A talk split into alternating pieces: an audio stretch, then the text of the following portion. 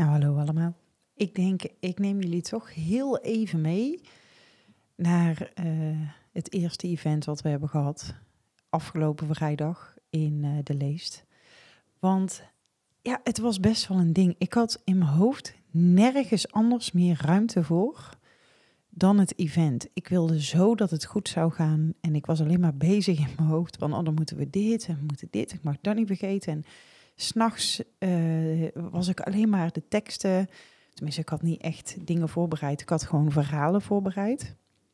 En ik merkte aan mezelf dat ik er zo ontzettend mee bezig was. En niet vanuit een bepaalde angst, maar wel vanuit een verlangen dat ik het vooral heel goed wilde doen.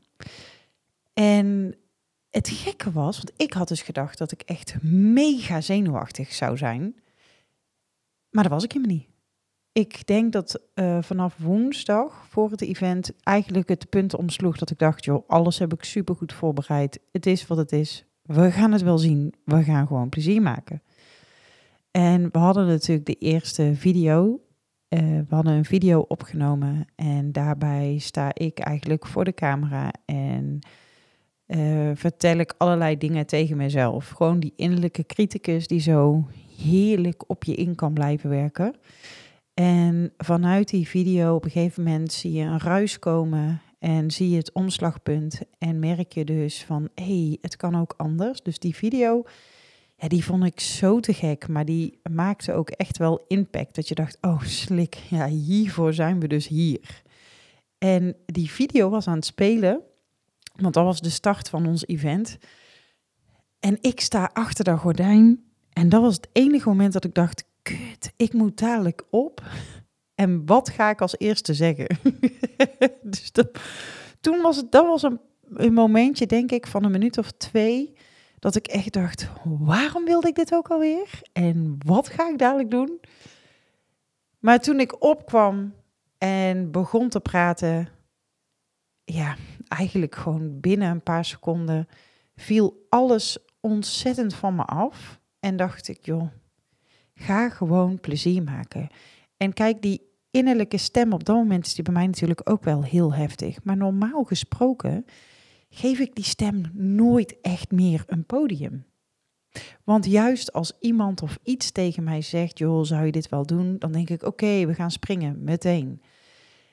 En doordat ik alles zo aanpak, merk ik dat ik mezelf ja, in bijna niks tegenhoud. En dan maakt het zo ontzettend tof. Dus toen ik daar, uh, toen we daar ook aan het uh, soundchecken waren en we waren de licht aan het instellen, toen voelde ik me al zo thuis daar op het podium. En ik vind het altijd heel stom als mensen dan zeggen van ja, maar ik wil gewoon op dat podium en ik wil gewoon, ja, ik wil gewoon die aandacht, ik wil dat gevoel. En, en als iemand dat zegt, dan denk ik, ja, ik, ik weet niet, daar zit bij mij gewoon ook een stuk weerstand op als iemand dat zegt. Maar ik heb nou zelf ervaren hoe het is. En het is gewoon, ja, als ik heel eerlijk ben, is die aandacht daarna toch wel heel fijn. Uh, want daarna, toen heel de show voorbij was, en dat is natuurlijk ook weer zoiets, weet je, je hebt heel die show voorbereid naar show. Ik kan het niet echt een show noemen. Het was meer een workshop-achtig iets. Nadat het dus voorbij was en het was vijf uur, het was echt twee keer knipperen en het was gewoon voorbij. Dus je hebt alles voorbereid, je bent er maanden of weken mee bezig. En dan is eenmaal die dag aangebroken en dan is het twee keer knipperen en heel alles is gewoon voorbij. Nou, daarna kreeg ik natuurlijk best wel veel mensen die zeiden van, oh, dit was zo te gek en we hebben er zo van genoten. En dat was ook echt de bedoeling, dat we wel confronterend waren. En dan ben ik er nog niet eens met twee gestrekte benen ingegaan, dat kan ik ook nog. Heb ik bewust niet gedaan. Ik heb het allemaal, dit was gewoon lief, leuk, aardig. um, maar ik merkte aan mezelf en ook in de zaal dat het best wel wat impact heeft. En voor ons is dit natuurlijk elke dag wat we hier in de studio ook doen. We confronteren iemand, uh, want ik denk dat dat de beste manier is om aan te geven van, joh, als je hier tegenaan loopt, misschien mag je daar iets mee. En uh, als je het niet wil doen, hoef je het ook zeker niet te doen. Maar dat maakt ons zo anders dan andere fotostudio's. Omdat andere fotostudio's, daar draait het om de fotografie. Bij ons draait het helemaal niet om de foto's. Bij ons draait het om dat jij zo snel mogelijk transformeert in een zo kort mogelijke tijd. Dat je anders naar jezelf gaat kijken, waardoor je dus elke dag andere keuzes voor jezelf gaat maken en anders tegen jezelf gaat praten. Dat is waarom wat wij doen, wat we doen omdat het dan superveel impact heeft. En dat had ik vrijdag wel in de gaten. Dat ik dacht, joh, dit komt gewoon bij iedereen binnen. Ik denk het mooiste compliment wat ik heb gekregen... was dat mijn uh, tante van uh, eh, 82, die zat vooraan... En die heeft alles meegedaan. We hadden ook een stukje ja, uh, gimmen. Of nou ja, mijn personal trainer kwam in blok 2. Gelijk na de pauze kwam hij mee op het podium. Ik had aan hem gevraagd van, joh, wil jij ook even ja, die energie hoog doen. En ik zeg, ik heb een gaaf nummer voor in mijn hoofd. Pam, pap de jam, weet je wel, die. Ik zeg, kun jij daar iets mee? En toen zei ja, dat lijkt me te gek. Dit had ik dus een dag van tevoren aan Steve gevraagd. en hij springt ook meteen. Ik hou daarvan. Dus die had zoiets van, ja, nee, tuurlijk, dat gaan we doen. En ik zag mijn tante op die, uh, op die video meedoen. Toen dacht ik, oh, heerlijk. En zij zei achteraf tegen mij, zei ze, dat ik op 82-jarige leeftijd nog zoveel heb geleerd. Ik ga dingen echt vanaf nu anders doen. Ik ga liefdevoller naar mezelf kijken. En toen dacht ik, wauw, dat maakt het dus zo bijzonder. Dat, want ze wist van tevoren eigenlijk totaal niet wat ze kon verwachten. Ze had mij begin van de week gebeld. En toen zei ze, ja, is er nog een kaartje? Ik zeg, tuurlijk. Ik zeg, voor jou is er altijd plaats. Dus als je wil komen... Ja, zei ze, ik weet het nog niet, want ik weet niet wat ik moet verwachten. En uh, ja, ik vind het een beetje vaag. En ja, ik, uh, ik weet het gewoon niet. Toen had ik gezegd, nou weet je, het is een beetje mijn levensloop. Hoe het is gegaan en hoe ik over dingen denk. Ja, zo moet je het eigenlijk een beetje zien. Ik denk, ik ga niet vertellen dat er meditaties in zitten of, of andere dingen, want dan was ze misschien niet eens gekomen. Uh, dan wordt het al voor onze familie vrij snel veel te zweverig. Uh, dus ik dacht, joh, laat ik dat niet vertellen. En toen belde ze dus donderdagavond, zei ze, ik wil toch graag komen. En dat vond ik zo leuk dat ze er was. Dus dat was echt wel voor mij het grootste compliment dat iemand van 82 gewoon toch nog zegt van, joh, ik heb er zoveel uitgehaald. En er zat eigenlijk van alles in de zaal. Echt van, uh, mijn jongste zoon was er ook, nou die is 12. Uh, tot uh, ja, 82, dus misschien zaten er wel oudere mensen in de zaal, dat weet ik dus eigenlijk niet. Uh, maar het was gewoon een heel divers publiek. En wat ik dus had gedaan, kijk, er waren natuurlijk gewoon heel veel mensen die alleen daar naartoe zouden komen. Mm. En dat is toch altijd, is dat een drempel om alleen ergens naartoe te gaan. Dus de, ik dacht, hoe kan ik dit nu het beste aanpakken? Dat er geen mensen alleen staan. En het is niet erg om alleen te staan, maar als je ergens alleen naartoe gaat en je gaat dan, staat dan ook nog eens een keer alleen, dan kun je je soms best wel eens sneu voelen. Tenminste, dat gevoel, dat herken ik wel. Dus ik dacht, wat kan ik daaraan doen? Dus in het begin, als mensen binnenkwamen, kregen ze een, uh, een, uh, een keycord met daaraan een naam. En aan de achterkant was een soort van bingo-kaartje. En dat bingo-kaartje stond dan bijvoorbeeld op van, uh, heeft een tattoo. Is linkshandig, heeft school niet afgemaakt. Uh, nou ja, zo stonden er dus 25 dingen op dat je dus aan andere mensen moest vragen: ben je linkshandig? Heb je een tattoo? Dus meteen bij binnenkomst werd die bingo kaart uitgelegd en gingen mensen meteen met elkaar praten. Dus vanaf het allereerste moment was er met iedereen connectie en iedereen vroeg: oh, heb je dit? En daarmee maak je de drempel natuurlijk super laag en gaat iedereen met elkaar connecten. Dat was echt zo goed uitgepakt. Je weet natuurlijk nooit helemaal hoe het uitpakt. Maar dit was, ja, dit vond ik zo sterk, omdat niemand zich, denk ik, die dag alleen heeft gevoeld. En we hadden ook nog een uh, stukje dans erin. Um, uh, super mooie nummers, gezongen door Nienke.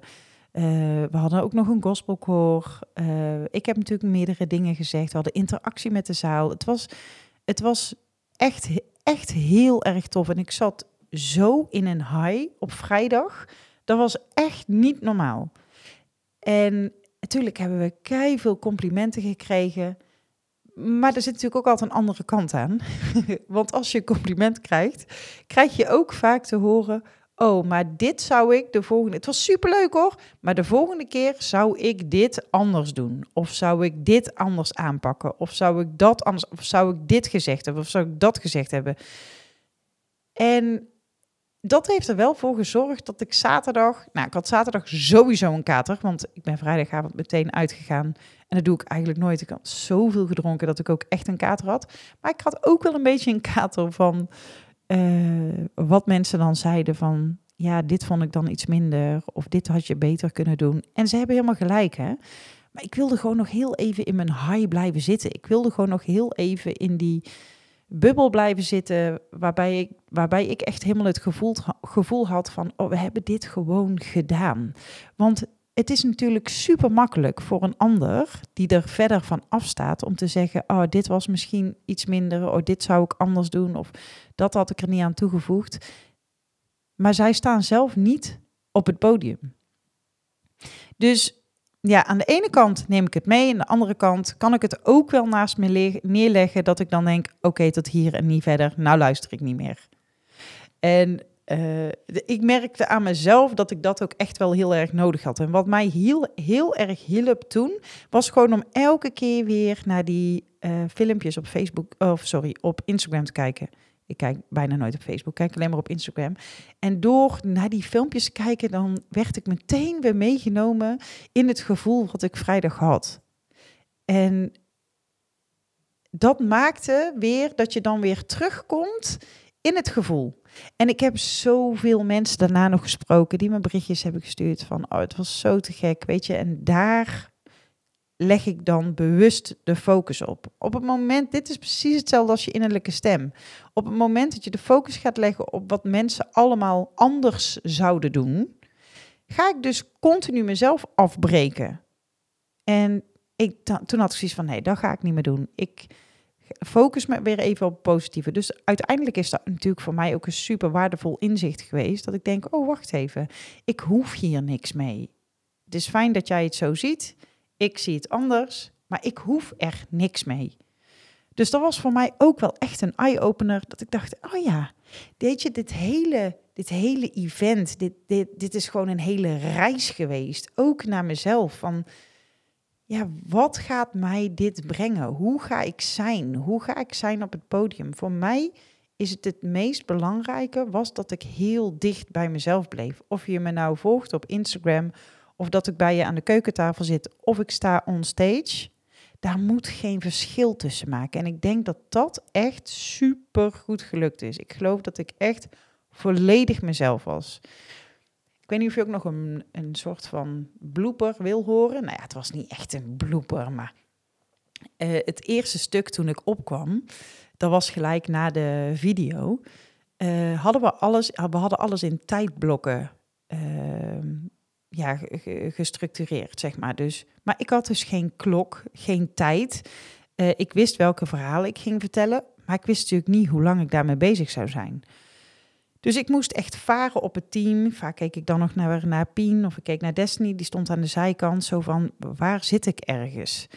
Uh, dus dat is iets voor de volgende keer wat ik wel meeneem, mocht er een volgende keer komen, dat ik in ieder geval iets van een timer op het podium zet, dat ik een beetje weet waar we zijn. Want dat ging dus niet helemaal goed. Want na de eerste twee, uh, na het eerste verhaal, uh, toen kwam er volgens mij een filmpje en toen kwam er een volgend verhaal. Of waren er twee verhalen achter elkaar? Nou, zo goed weet ik het dus al niet meer. Um, en toen was ik dus gewoon een kwartier te vroeg. Dus ik had niks meer in mijn hoofd. Uh, Marieke heeft de meditatie gedaan, toen kwam de danseres. En daarna zou het dus eigenlijk pauze zijn. Maar we waren dik een kwartier te vroeg. Dus ik dacht, oh fuck, en nu? En nou ben ik wel redelijk in improviseren en daarom hadden we de teksten ook niet uit ons hoofd geleerd, omdat ik dat, precies dat dus niet wilde, want dan schiet je dus in de paniek als je een stuk bent vergeten. Ik denk, alles mag gewoon in de flow gaan. Maar toen dacht ik wel, oké, nu blokkeer ik dus even, maar ik geloof niet dat ik, dat ik het gemerkt heb. Ik heb het daarna ook nog teruggekeken en toen dacht ik, maar hoe doe je dit dan? Want het, het ziet er niet eens uit alsof het geïmproviseerd is. Dus dat was wel heel grappig. En daarna kon ik het ook echt een beetje loslaten. Dat ik dacht, oké, We zien wel wat er gebeurt. Uh, iedereen zou toch de hele dag blijven. dat was trouwens ook nog wel een ding dat ik dacht, oh, als dadelijk na blok 1, dat er gewoon uh, de helft nog maar terugkomt in de zaal. Nou, dat was gelukkig niet zo. Wat ik wel heb gemerkt is dat blok 1 best wel impact had en dat, dat er best wel veel mensen aan het huilen waren. Toen dacht ik, oké, dit heeft dus best wel impact gehad. Nou ja, ik denk dat het zo voor een eerste keer event ja, echt wel super geslaagd was. En natuurlijk is er ruimte voor verbeterpunten. Hé, luister, dit was de eerste keer dat we überhaupt zoiets georganiseerd hebben. Dus natuurlijk zijn die er.